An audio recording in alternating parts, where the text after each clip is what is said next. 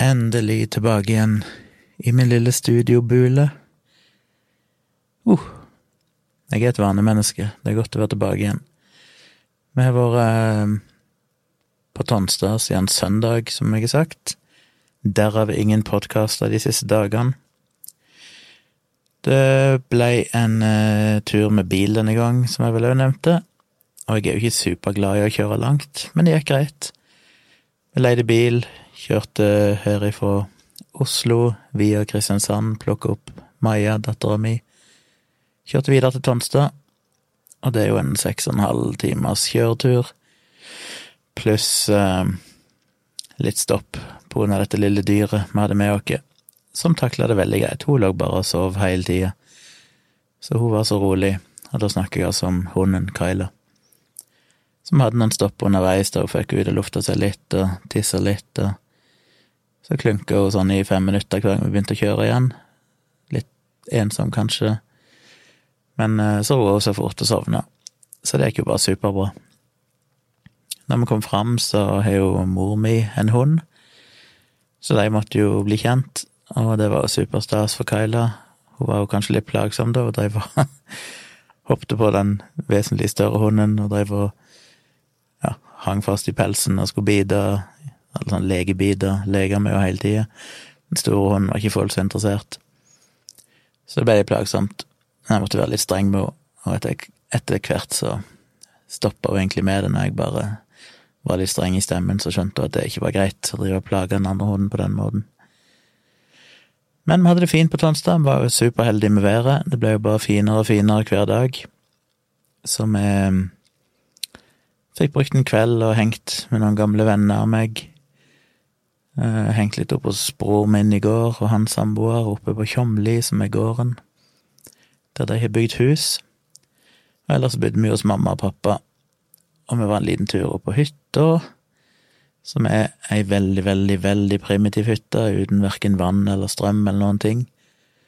Men det som ligger litt oppå fjellet, men du kan heldigvis kjøre ganske langt. Og så er det bare en sånn, ja, halvtime eller noe sånn gåtur inn til hytta. Det går jo an å kjøre båt, men båten er ikke på vannet nå. For det er en sånn liten innsjø, eller lite vann oppe i fjellet, da, regulert vann, som det går an å kjøre over den ene enden ifra der vi parkerer. Så vi traska oss egentlig bare inn, mest for å se hytta. Tone har jo ikke sett den, og jeg var usikker på når jeg var der sist, for jeg er ikke noen superglad i å henge på hytta, for jeg er jo noe mer et sånn femstjerners hotell eh, of guy. Liker litt komfort. Så det å, å være på hytta der det verken er vann eller strøm, og heller ikke mobildekning, er ikke sånn superinteressant, syns jeg. Men vi gikk inn hele gjengen, meg og Tone og mor mi og dattera mi og mine to nevøer. Traska inn der.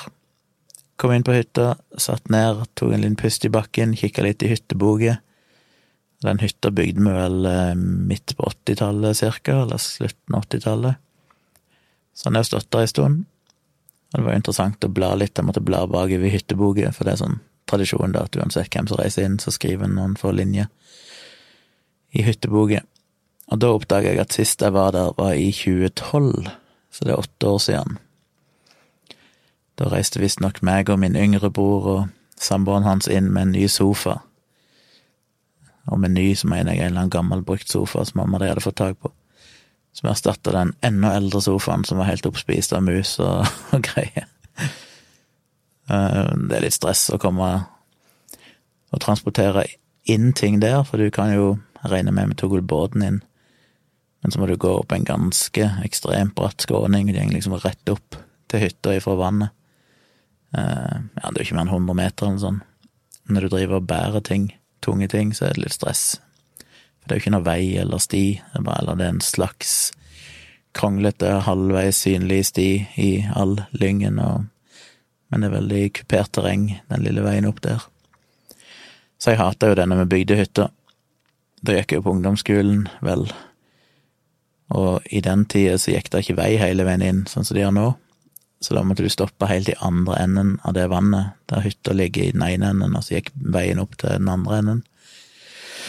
Og så hadde vi en båt der, en svær draug av en eh, båt, altså bare en helt plain båt uten noen ting fancy, med en fem påhengsmotor som bare så vidt var kraftig nok til å skyve den båten framover. Og så var det å kjøre opp med materialer, og lesse materialene, balansere de på hver side av båten, lange planker.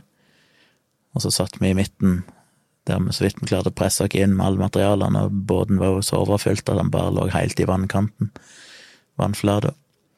Og så kjørte vi inn, og det tok jo gjerne 30-40 minutter eller sånn å kjøre inn med båten. Og jeg husker så mange ganger.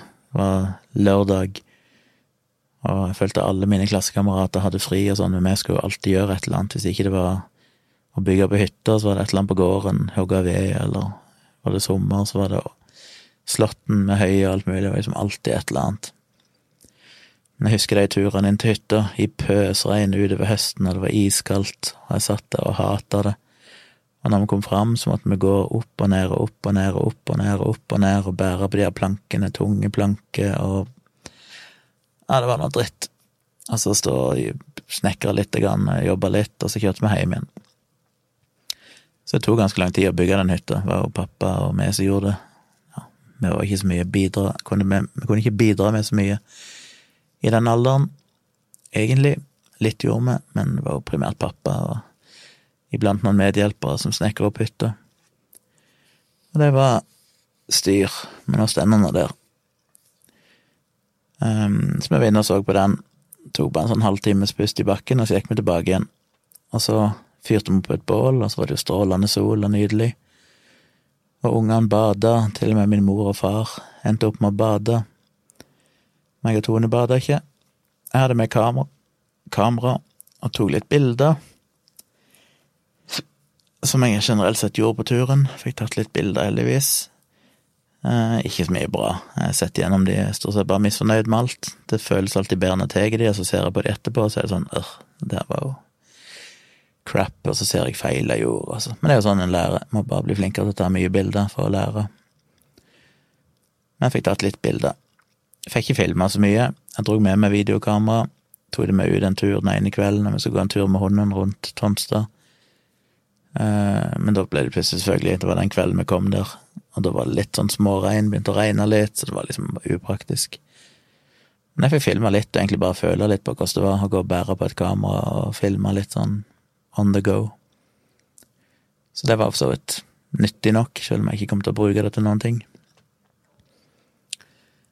Men jeg skal redigere litt bilder, og så kommer jeg sikkert til å poste litt hvis det var noen som var verdt det, var kanskje to, tre, fire som kan brukes.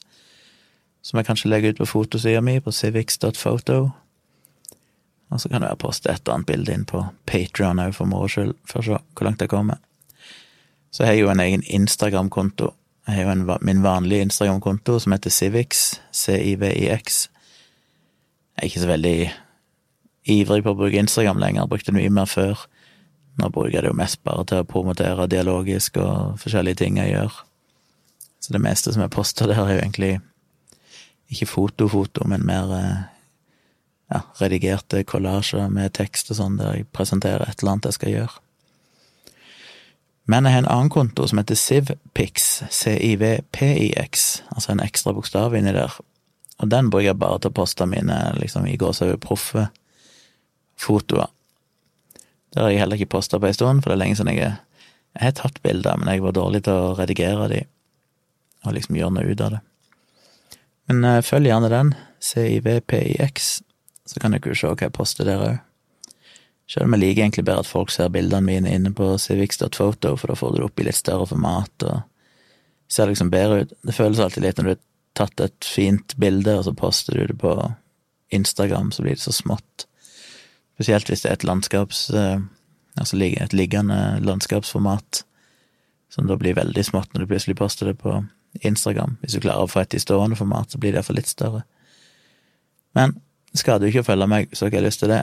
Dere blir ikke overspamma av bilder der, men dere får noe med dere de gangene jeg poster et eller annet. Men det var en fin tur. Rolig, laidback. Så kjørte vi tilbake igjen i dag, og denne gangen kjørte vi jo det vi kaller for Indreveien, iallfall jeg kaller det, jeg vet ikke om det er egentlig det det heter. Men da kjørte vi nordover først, helt nord i Sirdal, Og så over fjellet der, en vei som heter Brokkesuleskarveien, der du kjører ifra Sirdal og over til Setesdal. Og det er en veldig fin vei. Det er jo veldig smal, det er egentlig bare plass til én bil, men det er sånne møtepunkter hver 200 meter eller sånn det går an å passere hvis du møter en bil. Og der oppe ligger det jo fortsatt en del snø. Um, selv om det var stort sett vekke nå, så det er bare en sånn flagg igjen som ligger rundt forbi. Hadde vi vært der for en to-tre uker siden, så hadde vi fortsatt rukket å se sånne ti meter høye brøytekanter. For da er det jo helt sinnssykt der. Men det hadde stort sett smelta nå, så nå lå det bare igjen flekker rundt forbi. Men det er jo veldig fint Det Minner meg litt om naturen på Island som var i fjor høst. Det er litt sånn eh, Det er jo høyfjell og dvergbjørk og ganske sånn bart med noen fine vann og snøflekker og Ja, det er fint. Så det er et stykke å kjøre over der, og så kommer du ned i Setesdal, og så fortsetter vi opp via dalen, um, der vi tok en pause. Det var jo en utrolig nydelig plass. Først kjører du jo ned en lang sikksakk-vei, nesten som eh, Trollstien eller Lysefjordveien, bare i litt mindre skala.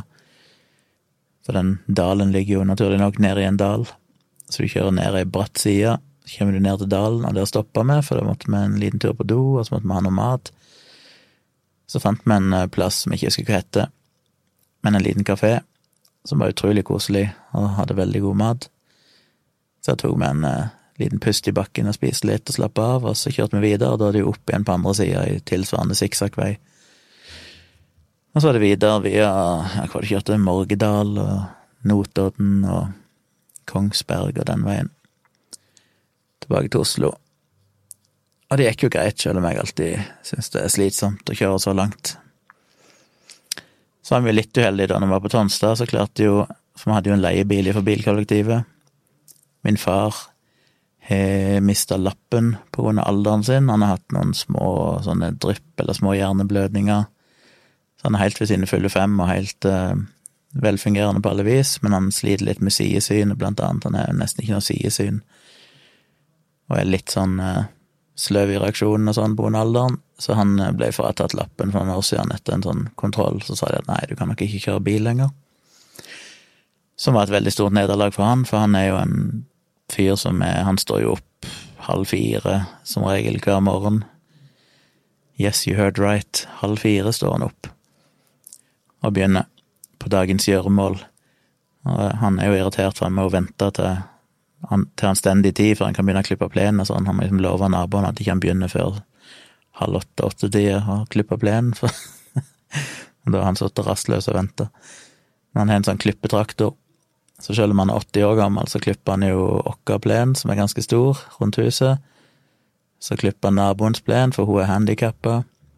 Så klipper han en annen plen, for det er et hus som det er noen som bare bor i deler av året. Så han har eh, sagt han kan klippe plenen deres. Tidligere så klippet han også plenen til en annen nabo som var ei eldre dame, men hun døde i fjor. Det huset er blitt kjøpt av noen andre, så det har ikke det ansvaret lenger. Og så klipper han plenen oppe i Tjomli, oppe på gården på det huset der. Så det er hans favorittaktivitet, å kjøre rundt på den klippemaskinen og klippe plenen rundt forbi.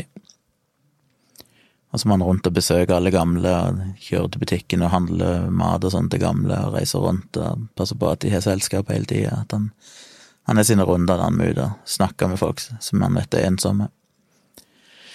Men han mista jo lappen, da, men da fikk han et, først hadde han en sånn elektrisk sykkel, trehjulssykkel, men det funka bare sånn halvbra, og så fikk han til slutt en sånn eh, mopedsykkel, altså sånn knøttliten enmanns eh, med sånn med tak, holdt opp, altså som er innebygd, du kan sitte inne i plass til én person, og som kjører i sånn ti kilometer i timen, et eller annet.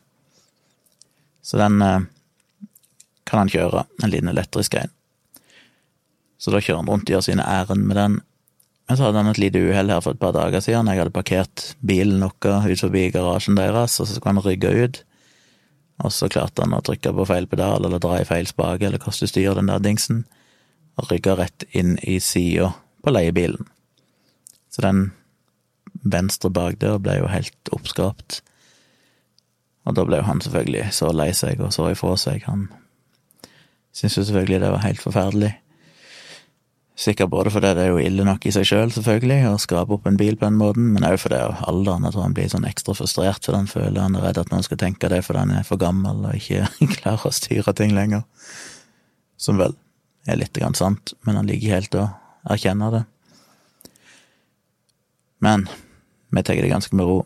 Prøvde jo bare å trøste han og si at det går jo fint. Det, det får vi bare se. Så jeg kom tilbake igjen i dag og rapporterte inn til bilkollektivet hva som skjedde, med bilder av skaden og sånn, så får vi se hva de sier.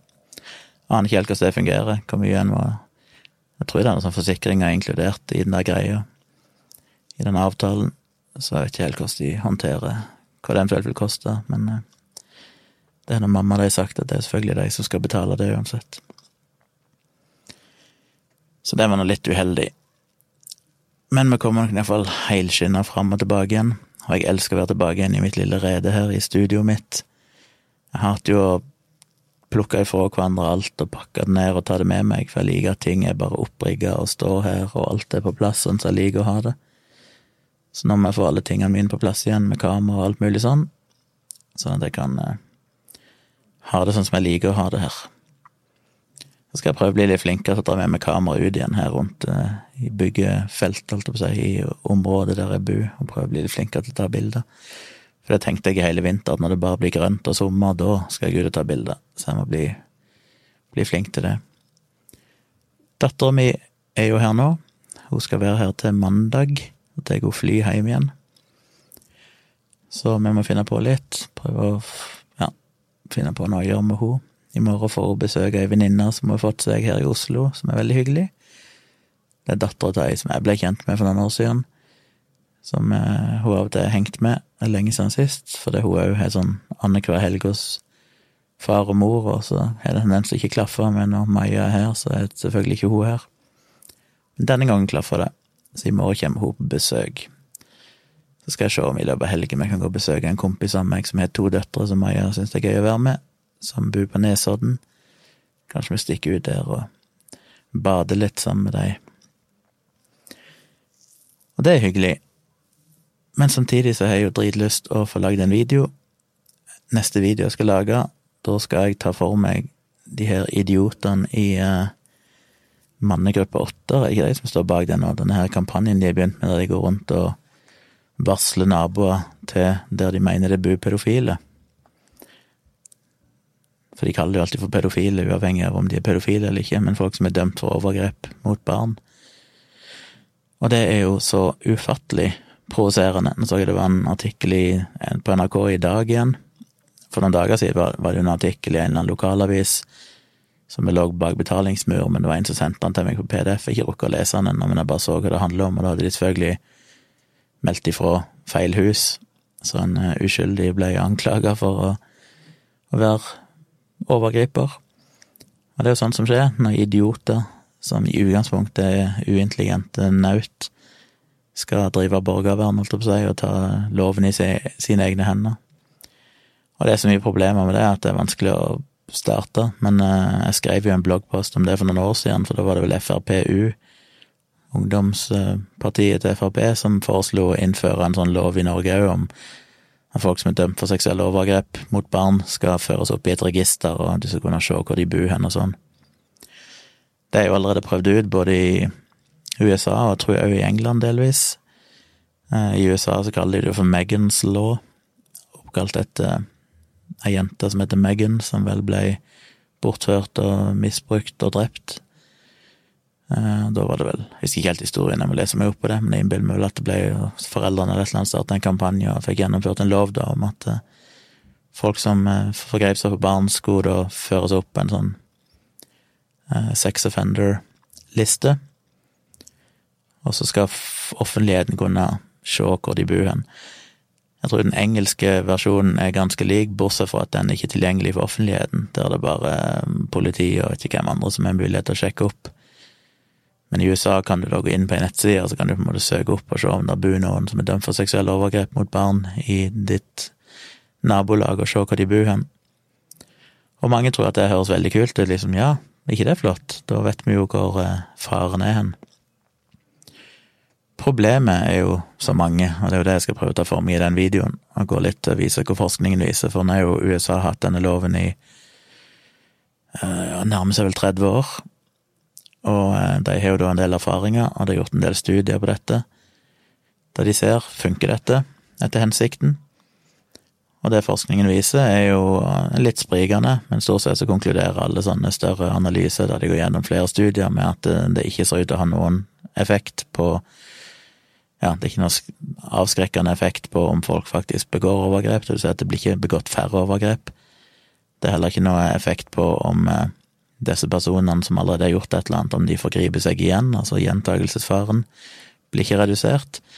Tvert imot så er det jo noen studier som peker i retning av at gjentagelsesfaren ser ut til å øke, som jo er egentlig det primære problemet med dette, med at du har noen som har gjort et eller annet forferdelig, blitt tatt, dømt, sona en straff og er fri igjen, men så blir de da stigmatisert resten av livet og ikke muligheter for å komme tilbake i arbeidslivet og de får ikke venner, de får ikke blitt en del av samfunnet. Og når du da er helt utestengt av samfunnet, ja, så øker jo risikoen for at du begår nye kriminelle handlinger. Målet må jo selvfølgelig være rehabilitering, at når de har sona sin straff og er tilbake inn i samfunnet, så må vi jo som samfunn være store nok til å prøve å behandle de som vanlige mennesker, og la de få en jobb og la de bli en del av samfunnet, for det reduserer risikoen for at de faktisk forgriper seg på nytt. Den gjør det iallfall ikke verre. I tillegg så koster det jo mye penger. I USA koster jo dette millionervis av dollar å vedlikeholde disse registrene og alle byråkratiet som fører med rundt dette. For hver gang noen flytter, så skal registeret oppdateres, og det er mange ansatte som sitter og jobber med sånne ting. og Det er generelt sett eh, kostnadskrevende. Og så er det jo det poenget som jeg egentlig ikke hadde tenkt på før, men som jeg òg leste i en av studiene, at det var en del ting som tyder på at å ha en sånn lov, en sånn praksis, gjør at uh, for eksempel familier har en høyere terskel for å anmelde overgrep, fordi de vet jo det at hvis de anmelder overgrepet, så vil jo basically hele familien bli hengt ut, for da er jo denne personen offentlig, og alle kan se hvem dette er, som går utover resten av familien som er helt uskyldige. Og det er jo klart at det blir da en terskel mot å anmelde folk, for da vet du at du egentlig på en måte anmelder deg sjøl i samme slengen, du blir en medskyldig på et vis, i folk sine øyne. Så det er jo forferdelig. Og så er det det idiotiske problemet òg, med det som Otter, mannegruppe Otter driver med, og delvis som Barnas Trygghet og sånn har drevet med. Dette med at de legger ut videoer av folk som skal møte unge jenter, der de utgir seg for å være ei ung jente som skal treffe en fyr, og så er det Barnas Trygghet som står der med kamera og sånn. Inspirert av dette amerikanske programmet To Catch a Predator. Og mange sitter og heier på det, liksom, ja, det er flott, avslør de, tar de. Men igjen, problemet med sånne ting er at du risikerer, eller det spesielt det mannegruppe Otter gjør, det er at når du går rundt og identifiserer tidligere overgrepsdømte, så stender du i fare for å identifisere ofrene samtidig, implisitt. Og det er jo ikke så sikkert at disse ofrene, som kan være, ha vært små jenter som i dag er kanskje voksne, har så veldig lyst til at disse personene skal bli hengt ut, for da vil de implisitt stå i risiko for at de òg blir avslørt som at de faktisk er blitt utsatt for overgrep, som kan være noe de ønsker å legge bak seg og ikke ønsker å bli stempla for, og, og, alt dette. Så det er så dypt problematisk, og når du begynner å se på hvor lite gjennomtenkt det er, så oser det jo på en måte av at dette er mennesker som ja, Det er kanskje drøyt å si at de ikke bryr seg om barn, for de innbiller seg vel at de bryr seg om barns ve og vel, men strengt tatt så bryr de seg om seg sjøl. Dette handler jo om å fremstå som moralsk høyverdig på et eller annet vis, og fremheve seg sjøl, mer enn det handler om å faktisk beskytte barn. For hadde de brydd seg om å beskytte barn, så hadde de jo satt seg litt inn i forskningen og sett om det de faktisk driver med, har en positiv effekt, og tenkt seg litt om med dette med risikoen for å avsløre offer og alt dette her. Så det er dypt provoserende. Og mange har sterke meninger om det, men det er ikke så mange som har gått inn i forskningen og sett på det, så jeg tenkte jeg skulle prøve å få lagd en, en, liten video der bare gå gjennom de poengene her, og forklare hvorfor dette er en forferdelig dårlig idé, og hva forskningen viser rundt det. Så jeg håper å få den ut i løpet av eh, en dag eller to eller tre, maks. Jeg må få det ut i løpet av helga, for det, det, er jo en litt sånn sak som er hot akkurat nå, og det er litt viktig å få ut en video mens temaet er ferskt og relevant Plutselig legger jeg jo klø og brenner inni meg. Jeg har jo tenkt på dette siden før ferien, og så jeg måtte sittet på Tonstad og venta, ikke fått gjort noe med det, og nå er jeg tilbake igjen her og klø etter å få gjort noe på akkurat det temaet. Så det kommer. Uh, ja. Ellers er det ikke så mye planer. Jeg har jo litt sånn halvveis ferie denne uka. Jeg har jo vært på Tonstad, som sagt, men i morgen er det jo egentlig en arbeidsdag. Men jeg, jeg må jobbe lite grann, men jeg tar det vel ganske kul. Jeg ser litt på det som at hele denne uka her er ferie. Jeg har jo noen ukes ferie, så jeg må prøve å få tatt ut. Men jeg vet jo at det blir en del jobbing hele sommeren, så det blir ofte litt sånn halvferiedager der jeg jobber litt, og så vet jeg at jeg egentlig er ferie, så jeg trenger ikke å jobbe i, i mange, mange timer, men jeg må få gjort litt viktige ting. Um, det kom til en og annen ny Patron de siste dagene. Det syns jeg er veldig hyggelig. Nå nærmer jeg meg jo 100, jeg tror jeg er 96. Så hvis jeg får 100, så har jeg jo virkelig nådd et mål som jeg egentlig ikke helt trodde jeg kom til å nå. Jeg hadde et lite håp, så hvis jeg kanskje jeg kan klare 100, da vil jeg være sinnssykt fornøyd. Og nå nærmer det seg jo 100, og det har jo bare Jeg har jo bare hatt en patron oppe i litt over to måneder, så det er jo veldig, veldig kult. Jeg håper jo det fortsetter å vokse. Det betyr jo ekstremt mye for det jeg driver med, muligheten til å kunne gjøre det jeg driver med. Så takk til dere patrons. Jeg håper dere tipse andre. Det var en, en, av dere her som var så grei at dere delte på Facebook og oppfordra andre til å bli patrons. Det håper jeg jo flere av dere har lyst til å gjøre, hvis dere syns at eh, det arbeidet jeg driver med, er noe som flere burde støtte. Det er jo så mye piss i media, og så mye piss i, som kommer ut i alt mulig kanaler, eh, som dessverre er lett å tjene penger på. Det er veldig lett å tjene penger på bullshit her i Norge. Enten du er rosablogger som lever av å promotere fake produkter, eller det er at du bare er så dum at du får lov å være på TV hele tida fordi folk syns det er gøy å se hvor dum du er. Men når du faktisk prøver å gjøre noe vitenskapelig fundament, og noe som er litt kritisk, så er det jo ikke så kommersielt med en gang. Så jeg håper jo eh, dere er klar over at dere er en motvekt til det ved å støtte meg. Og hvis dere syns det er viktig, så håper jeg òg dere tipser andre om det, og prøver å få flere til å støtte opp om det, for jeg skulle ønske det var en litt annerledes trend her i verden. Jeg skulle ønske det var litt sånn at vi som driver med ting som faktisk handler om kunnskap og rasjonalitet og ting som jeg innbiller meg iallfall betyr noe her for verden. Er synd at ikke det er der folk er mest interessert i å bruke penger, annonsekroner og sånne ting, men det er det jo ikke. Selv om jeg har hatt en av Norges største blogger, så er det aldri noen annonsører som har kommet til meg og vil ha meg til å annonsere for noen ting, for de vet vel at jeg hadde vel bare Ja, de få gangene jeg har fått en slags halvveis henvendelse, så har jeg jo egentlig avvist det, for at jeg det ikke, jeg føler meg ikke komfortabel med å annonsere for noe som jeg ikke vet jeg kan stå inne for. I dialogisk så får vi jo litt annonsører, og det er jo fint, da går det jo via moderne medier som ordner det for oss, men der òg har jo sagt nei til en del som ikke vi kan stå inne for. Og sånn som vi hadde Dyreparken nå nylig, så måtte vi jo ta det òg, en liten runde med dem òg, for å føle oss komfortable med å annonsere for dem.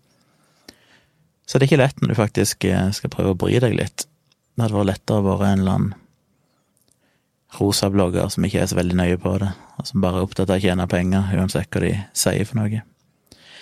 Men derfor er det jo så viktig at sånne folk som dere støtter opp via Patron, for eksempel, og støtter på andre måter, heller enn å ikke annonsører og, og andre støtteordninger trør til, så er det jo ekstremt viktig at dere kan gi personlig. Så del gjerne det budskapet med andre, at det er faktisk viktig å støtte opp om sånt arbeid, og det betyr veldig, veldig mye, så jeg håper dere klarer å, å få noen av vennene dere eller andre dere kjenner til å bli patrons òg. Det var helt topp. Jeg lover dere at pengene går ikke til fest og fyll. Det går til å investere i det jeg driver med her, og prøve å få til mest mulig bra innhold. Så takk for det. Og så eh, blir det en eh, veldig forsinka dialogisk episode i morgen. Det vil si sikkert i dag når dere hører dette, altså fredag kveld 26. juni.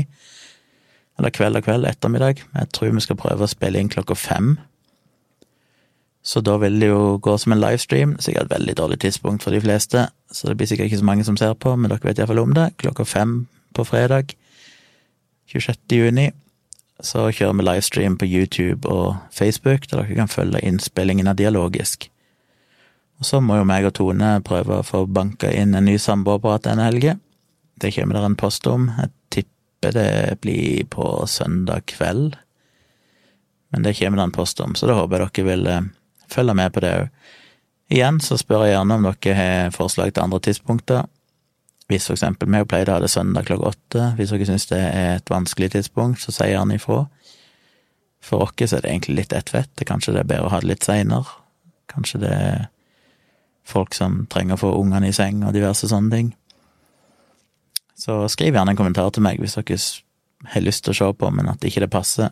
Så må dere gjerne foreslå at vi gjør det tidligere eller seinere, eller på lørdagen heller enn søndagen, eller vi har jo bare tatt et tidspunkt uten å vite hva som passer for dere, så dere kan være med og påvirke det.